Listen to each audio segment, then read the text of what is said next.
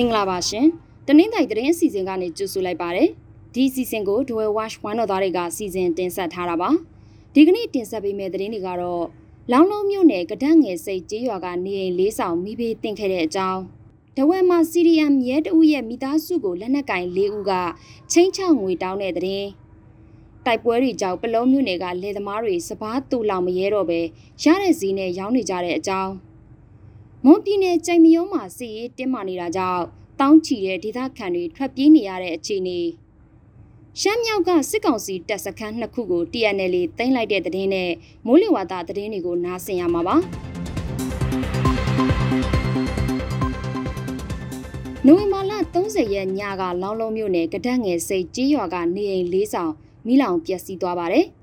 လူမနေတဲ့အိမ်ကနေမိစလောင်ခဲ့တာဖြစ်ပြီးနေအိမ်လေးဆောင်ပျက်စီးဆုံးရှုံးသွားတယ်လို့ဆိုပါတယ်။မီးလောင်နေချိန်မှာရွာနာကရေတဲကားနဲ့ဒေသခံတွေပူပေါင်းငိမ့်တက်ခဲ့တယ်လို့ဆိုပါတယ်။လောင်လုံးမြို့နယ်မိသက်ဦးစီးဌာနနဲ့အခုမီးလောင်နေတဲ့နေရာဟာဆယ်မိုင်ဝန်းကျင်ပဲဝေးပေမဲ့အာနာသိမ့်ပြီးနောက်ပိုင်းမှာတော့အချိန်နဲ့တပြေးညီအကူအညီတောင်းလို့မရတော့ဘူးလို့ဒေသခံတွေကဝေဖန်ကြပါတယ်။နိုဝင်ဘာလ28ရက်ညကလည်းလောင်လုံးမြို့နယ်ခေါ်အင်းရွာမှာနေအိမ်တဆောင်မီးလောင်ခဲ့ပါတယ်။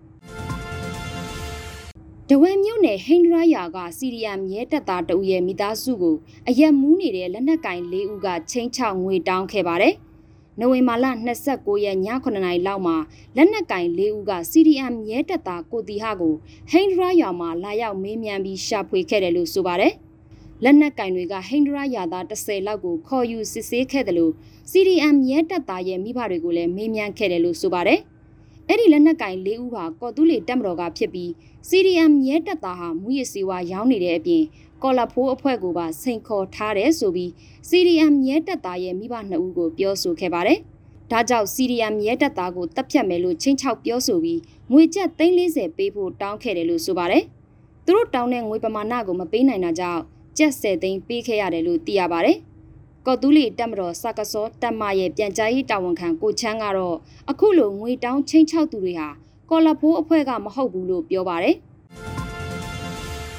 တိုက်ပွဲတွေကြောင့်ပလုံးမြို့နယ်ကလယ်သမားတွေစပားတူလောင်မရဲပဲရတဲ့ဈေးနဲ့ရောင်းချနေကြပါတယ်။အရင်နှစ်တွေကတော့ရိတ်သိမ်းပြီးတဲ့စပားတွေကိုတူလောင်ထားပြီးဈေးကောင်းရတဲ့အချိန်မှရောင်းချလေးရှိတာပါ။စပားရိတ်ပြီးတဲ့အချိန်တိုက်ပွဲတွေပြန်စတော့မယ်လို့ကြားနေရတဲ့အတွက်လယ်သမားတွေကမတူလောင်ရဲတော့ဘူးလို့ဆိုပါတယ်။ ဒီလိုရောင်းချချိန်မှာလဲကားတွေနဲ့ဆန်ဆက်ကြီးတွေစီသွားမရောင်းကြတော့ပဲလက်ကွင်းထဲမှာပဲတူတူတိတ်တိတ်ရောင်းချနေကြတာပါအရင်နှစ်ကစပားတင်းကိုကြက်9000ပေါက်ဈေးရှိခဲ့ပြီးလက်ရှိစပားတစ်ပေါ်ချိန်မှာတော့16000ဝန်းကျင်အထိဈေးပေါက်နေပါတယ်ဒါပေမဲ့စပားရိတ်ချိန်က73စီအပါအဝင်သွင်းအားစုတွေဈေးအဆမတန်မြင့်တက်လာတယ်လို့ရိတ်သိမ်းဆက်900ရန်ခလည်းဈေးတက်လို့တွက်ချေမကိုက်ဘူးလို့ဆိုပါတယ်။ မွန်ပြည်နယ်ကြိုင်မယောမြို့နယ်မှာစစ်ကောင်စီတပ်နဲ့ပြည်သူ့ကာကွယ်ရေးတပ်တို့စစ်ရေးပြင်းထန်နေတာကြောင့်ဒေသခံ2000ကျော်ဟာဘေးလွတ်ရာကိုထွက်ပြေးနေကြရပါတယ်။ချောင်းနှခွရွာရဲစခန်းနဲ့ချောင်းနှခွတရားစစ်စေးရေးဂိတ်ကိုကရင်မျိုးသားလွတ်မြောက်ရေးတပ်မတော်နဲ့ပြည်သူ့ကာကွယ်ရေးပူးပေါင်းတပ်တွေကနိုဝင်ဘာလ10ရက်နေ့မှာဝင်ရောက်တိုက်ခိုက်ခဲ့တာပါ။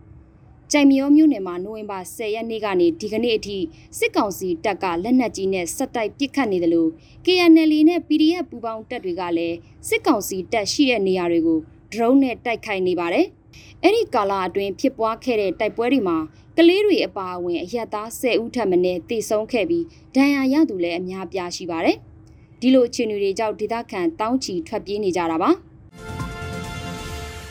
ရှမ်းမြောက်ပိုင်းကတီဘောနဲ့လာရှိုမြို့လမ်းပိုင်းမှာရှိတဲ့စစ်အင်ရဲစခန်းနဲ့မူဆယ်မြို့ကနန့်ပေါ်တရားတပ်စခန်းကိုဒီကနေ့မနက်မှာ TNL တပ်တွေကတိုက်ခိုက်သိမ်းပိုက်လိုက်ပါတယ်။စစ်အင်ရဲစခန်းသိမ်းတိုက်ပွဲမှာစစ်ကောင်စီလက်အောက်ခံရဲနှစ်ဦးကိုအရှင်ဖမ်းမိခဲ့ပြီးတနက်၁၇လက်အပါအဝင်စစ်အုံဆောင်တွေသိမ်းဆည်းနိုင်ခဲ့တယ်လို့ဆိုပါတယ်။ဒါ့အပြင်မူဆယ်မြို့မှာရှိတဲ့နန့်ပေါ်တရားစစ်ကောင်စီတပ်စခန်းကို TNL တပ်တွေက9ရက်ကြာတိုက်ခိုက်ပြီးတဲ့နောက်သိမ်းပိုက်နိုင်ခဲ့တယ်လို့ထုတ်ပြန်ထားပါတယ်။ အဲ့ဒီတိုက်ပွဲမှာစစ်တုပ်ပန်း2ဦးကိုဖမ်းမိခဲ့ပြီး60မမလက်နက်ကြီးအပါအဝင်လက်နက်မျိုးစုံ32လက်နဲ့ခဲယမ်းကြည်စံတွေတင်ဆက်ရမိခဲ့တယ်လို့ဆိုပါတယ်။စခန်းသိမ်းတိုက်ပွဲအတွင်းစစ်ကောင်စီတပ်ကလက်နက်ကြီးနဲ့ပစ်ကူပေးနေတယ်လို့လေကြောင်းကနေဘုံကျဲတိုက်ခိုက်တာတွေလှုပ်ဆောင်ခဲ့ပါတယ်။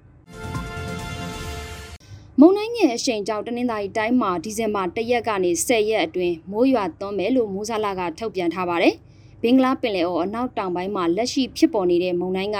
ပိုအားကောင်းလာပြီးဒီဇင်ဘာ3ရက်မှာတော့ဆိုင်ကလုန်းမုန်တိုင်းအဖြစ်ကိုရောက်ရှိနိုင်တယ်လို့ခန့်မှန်းထားပါတယ်။လက်တလောခန့်မှန်းချက်တွေအရဆိုင်ကလုန်းမုန်တိုင်းဟာမြန်မာနိုင်ငံကိုဥတီလာနိုင်ဖွယ်မရှိဘူးလို့မိုးဇာလာကထုတ်ပြန်ထားပါတယ်။ဒါ့အပြင်ဒီဇင်ဘာလပထမအပတ်ထဲမှာနောက်ထပ်လေးဖိအားနဲ့ရက်ဝန်းတစ်ကြိမ်ထပ်ဖြစ်နိုင်တယ်လို့မိုးဇာလာကထုတ်ပြန်ထားပါတယ်။မုန်တိုင်းငယ်အရှိန်ကြောင့်တနင်္သာရီတိုင်းအပါအဝင်တိုင်းနဲ့ပြည်နယ်အချို့မှာ မိုးရွာတာလေပြင်းတိုက်တာမိုးထစ်ချုံတာတွေဖြစ်ပေါ်နိုင်တယ်လို့ဆိုပါတယ်။